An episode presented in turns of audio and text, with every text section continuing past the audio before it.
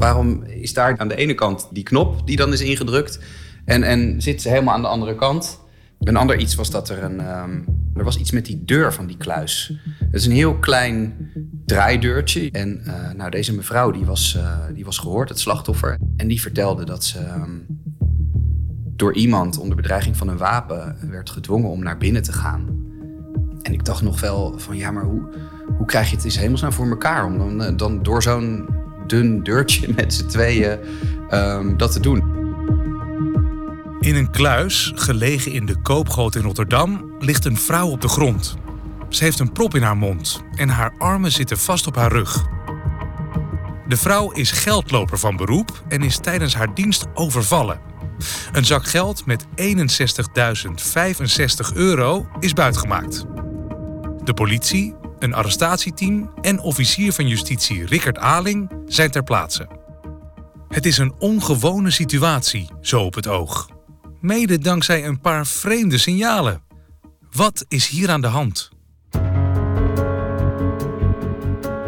Dit is Het Oordeel van de Officier, een podcast van het Openbaar Ministerie. Mijn naam is Ben Prins en in de eerste twee afleveringen neemt officier van justitie Rickert Aling mij mee in de spannende en opzienbarende koopgootzaak. Rickert zit nog steeds in de eerste fase van het onderzoek. Waarheidsvinding. Hoe gaan ze nou ontdekken wat hier echt is gebeurd? Ja, je, daar probeer je dus met elkaar zo snel mogelijk achter te komen. En dan heb je als officier dus je hele gereedschapskist van het wetboek van strafvordering om daarachter te komen.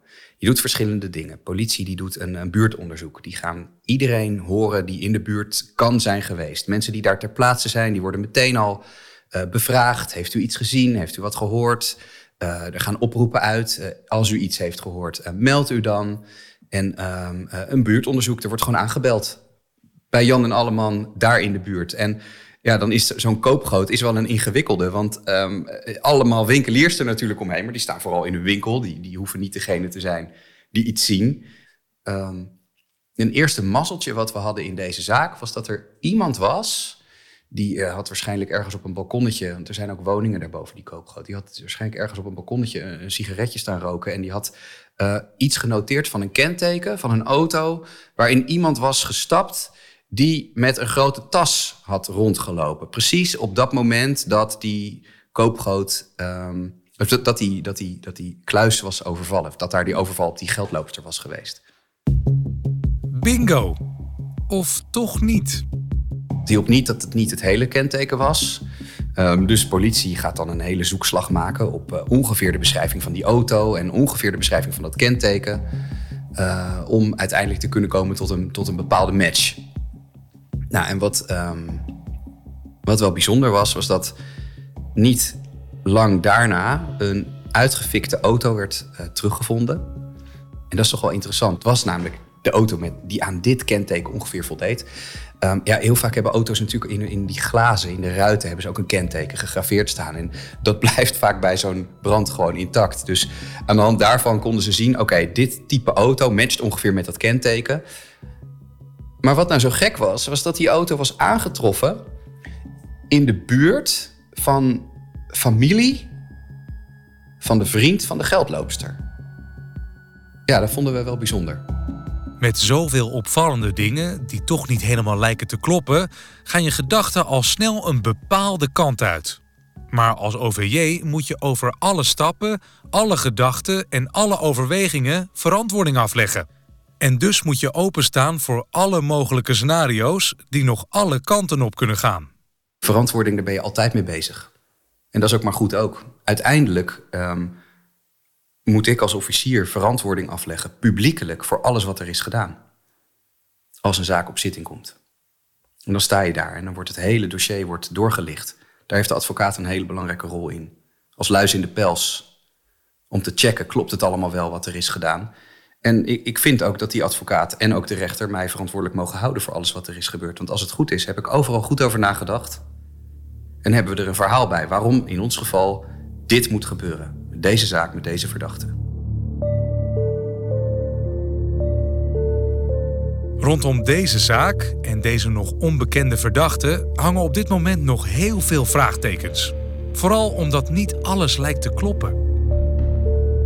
Het is natuurlijk wel, op, op enig moment komt wel, gaat wel een kwartje vallen van hier, hier is iets aan de hand. Uh, het klopt niet helemaal.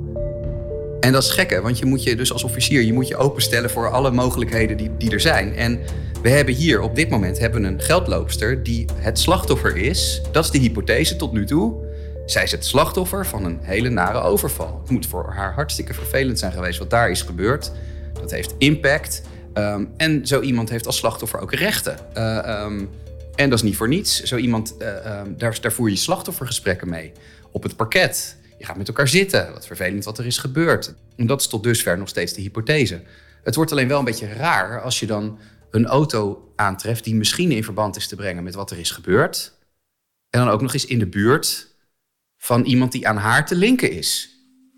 Ja, dan, dan ga je toch wel achter de oren krabben van hé, hey, hoe zit dit dan?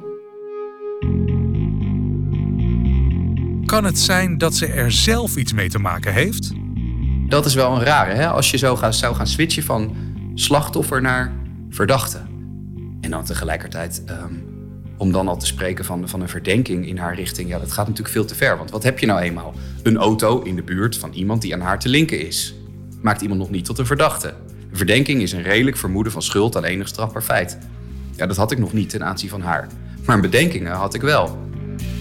Op basis van de hypothese dat er een overval is gepleegd, gaat het onderzoek verder. Zolang de geldloper nog gewoon het slachtoffer is, is haar verhaal de beste basis voor het onderzoek. Rickert duikt in haar aangifte. Haar slachtofferverhaal hebben wij um, uh, goed bekeken. En daarin heeft ze het dus over een jongen die haar dan heeft overvallen. En uh, we zijn dus uh, um, op basis daarvan ook die camerabeelden heel goed gaan bekijken van, van die koopgoot en de winkels daaromheen. Um, of we zo'n soort jongen voorbij zouden zien komen lopen. En inderdaad, op enig moment een camera van een winkel, notabene vanuit de winkel naar buiten, zo door de ruit naar buiten. Daar zien we rond dat tijdstip zien we inderdaad een, een jonge vent lopen. Um, ja, wie is die vent dan? En dan gaan we daar ons vervolgens op richten. De politie gaat van winkel naar winkel op zoek naar meer camerabeelden om de theorieën te bevestigen. Tegelijkertijd wordt er op basis van het signalement gezocht naar mogelijke daders.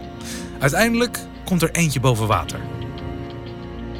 Uiteindelijk kwamen we wel terecht bij een jongen die aan dat signalement voldeed. En um, uh, ja, die hebben we toen, daar hadden we toen zoveel tegen dat we hem konden aanhouden in verband met deze overval. De persoon achter de dader is binnen Rickards werk net zo belangrijk als de feiten van de misdaad. Het een kan niet zonder het ander. En andersom. Maar is met de vondst van een dader de zaak afgerond? Nou, voor Rickert zeker niet. Nog steeds was het voor mij niet helemaal compleet, want dan heb je wel iemand die de overval heeft gepleegd. Maar hoe zit het dan met die rare omstandigheden van die auto en die, um, uh, die knop en, en die deur? Ook vreemd, die uitgebrande auto is niet van de jongen die nu als dader wordt aangewezen. Dat kenteken is dan weer te linken aan de vriend van het slachtoffer. Er is dus nog iemand in het spel. Hoe vindt Rickert antwoorden op al deze vragen? Wat we op enig moment hebben gedaan is um, um, dat we ons hebben. Je, je zoomt dan in op een klein stukje van de casus. Dat is wat je dan kan doen. En wat we een vreemd stukje bleven vinden, dat was dat stukje van die, um, van die kluisdeur. Dat het slachtoffer had verteld, daar zijn we met z'n tweeën doorheen gegaan. Terwijl we dat met politie hebben geprobeerd te reconstrueren. We zijn met elkaar, ze hebben gewoon door die deur ge gewurmd. En dat ging gewoon echt niet. Als je daar doorheen wil met twee personen, dan moet je echt goed met elkaar samenwerken. Je moet een soort acrobatische truc uitoefenen, waarbij je gewoon op elkaar schouders gaat zitten. En dan kan je als een soort van 2-1 man, eh, kan je, kan je er doorheen. Nou, en dat, dat zette ons echt aan het denken. Um, dan moet het wel een inside job geweest zijn. Opeens kijken de mannen heel anders naar het slachtoffer. De uitgebrande auto die met haar in verband kon worden gebracht. De rare situatie waarin ze werd aangetroffen in de kluis. De veel te kleine kluisdeur. Ja, dat zorgde er bij ons voor dat er toch wel iets ging omswitchen eigenlijk. Naar, hey, is dit nou het slachtoffer of is ze deel van het verhaal? Een precaire situatie. Hoe pakken ze dit aan? Als je van slachtoffer naar verdachte gaat, verandert de situatie. En daarmee ook je recht. Rickert trekt opnieuw zijn gereedschapskist open. In die zin is de verdenking een instrumenteel iets. Het is een instrument voor mij om een gereedschapskist open te doen. En daarmee bedoel ik dat ik allemaal bijzondere opsporingsbevoegdheden mag inzetten. En dat ik iemand mag aanhouden, et cetera, et cetera. Maar wat er ook gebeurt met als iemand verdachte wordt, dan krijgt hij ook meteen van de wet een hele bak aan rechten. Zoals een advocaat, um, uh, recht op, op afschrift van het dossier, noem maar op. En um, dat moment dat dus iemand verdachte wordt, is heel belangrijk om te markeren. Was die verdenking er nou al wel of was die er nou niet? En in dit geval kozen we ervoor om die verdenking uh, om uit te spreken tegen elkaar als team. Ja, we hebben hier een verdenking, we hebben een redelijk vermoeden van een strafbaar feit, namelijk eigenlijk betrokkenheid bij die, bij die overval op die geldkluis. Uh, en dat heeft meerdere um, consequenties, namelijk onze gereedschapskist gaat open om verder achter de waarheid te komen. Maar ook, en dat is minstens zo belangrijk, um, zij heeft nu recht op die advocaat, op die bijstand. Um, zij heeft alle rechten die horen bij die status van verdachte. Was wel een beetje vreemd. Een switch van slachtoffer met alle rechten van dien naar verdachte met alle rechten van dien. Nu de verdenking is uitgesproken, gaan ze naar het voormalig slachtoffer. De geldloper wordt weer verhoord, maar dit keer vanuit haar nieuwe rol. Wat eruit kwam is dat ze um, door haar vriend zou zijn opgezet om dit feit te gaan plegen. En dat ze de hulp nodig hadden daarbij van een andere jongen. En dat was die jongen die we uiteindelijk ja, op die camerabeelden hadden gezien met die zak met geld op zijn rug. Die in die auto stapte en die, naar, uh, die die auto heeft gebracht ergens in de buurt van uh, de familie van die vriend.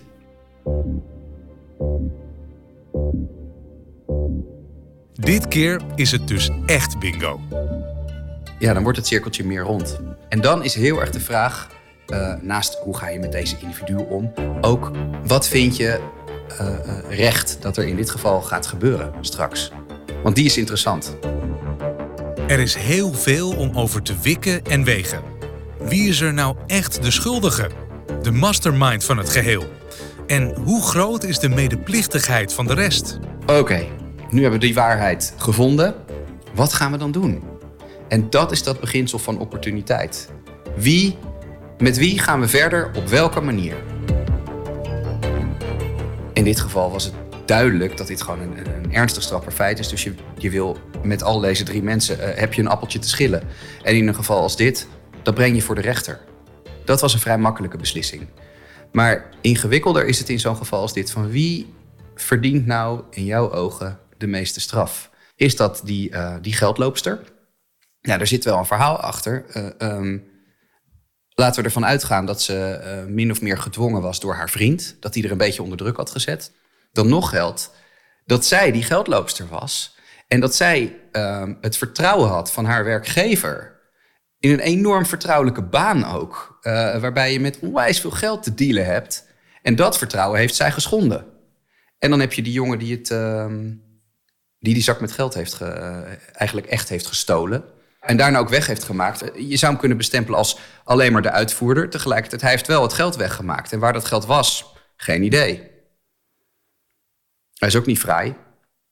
Maar hij was niet de mastermind, want dat was die derde figuur. Die had overal over nagedacht en die had het helemaal uitgetekend.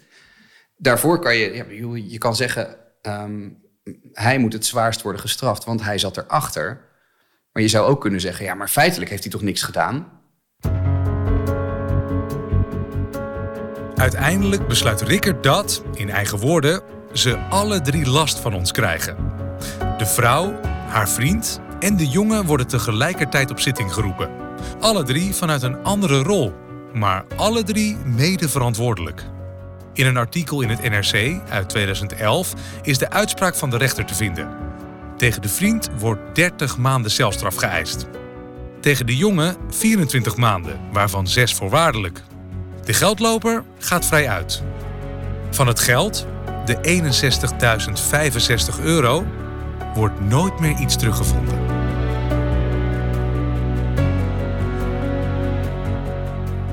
Dit was de tweede aflevering van Het Oordeel van de Officier, een podcast van het Openbaar Ministerie. In de volgende drie afleveringen duiken we in een nieuwe zaak met een nieuwe officier van justitie. Bas Rademacher vertelt het verhaal van zaak Bloempot. Een intrigerende cybercrimezaak met een onverwachte dader. Uit die tap kwam dus uh, informatie dat hij uh, met een aantal vrienden een huisje zou huren op een vakantiepark. En dat viel ons op omdat dat vakantiepark echt wel heel dicht bij zijn ouderlijk huis was. We hadden niet het idee dat hij daar nou, gewoon de zomervakantie uh, zou vieren. Maar dat ze daar ja, misschien wel cybercrime delicten zouden, zouden plegen. Het Oordeel van de Officier is een productie van Potworks en ik ben Prins. Benieuwd geworden naar het werk van Rickert? En zou je zelf ook aan de slag willen als officier van justitie? Ga dan naar werkenbijhetom.nl. Bedankt voor het luisteren en tot de volgende aflevering.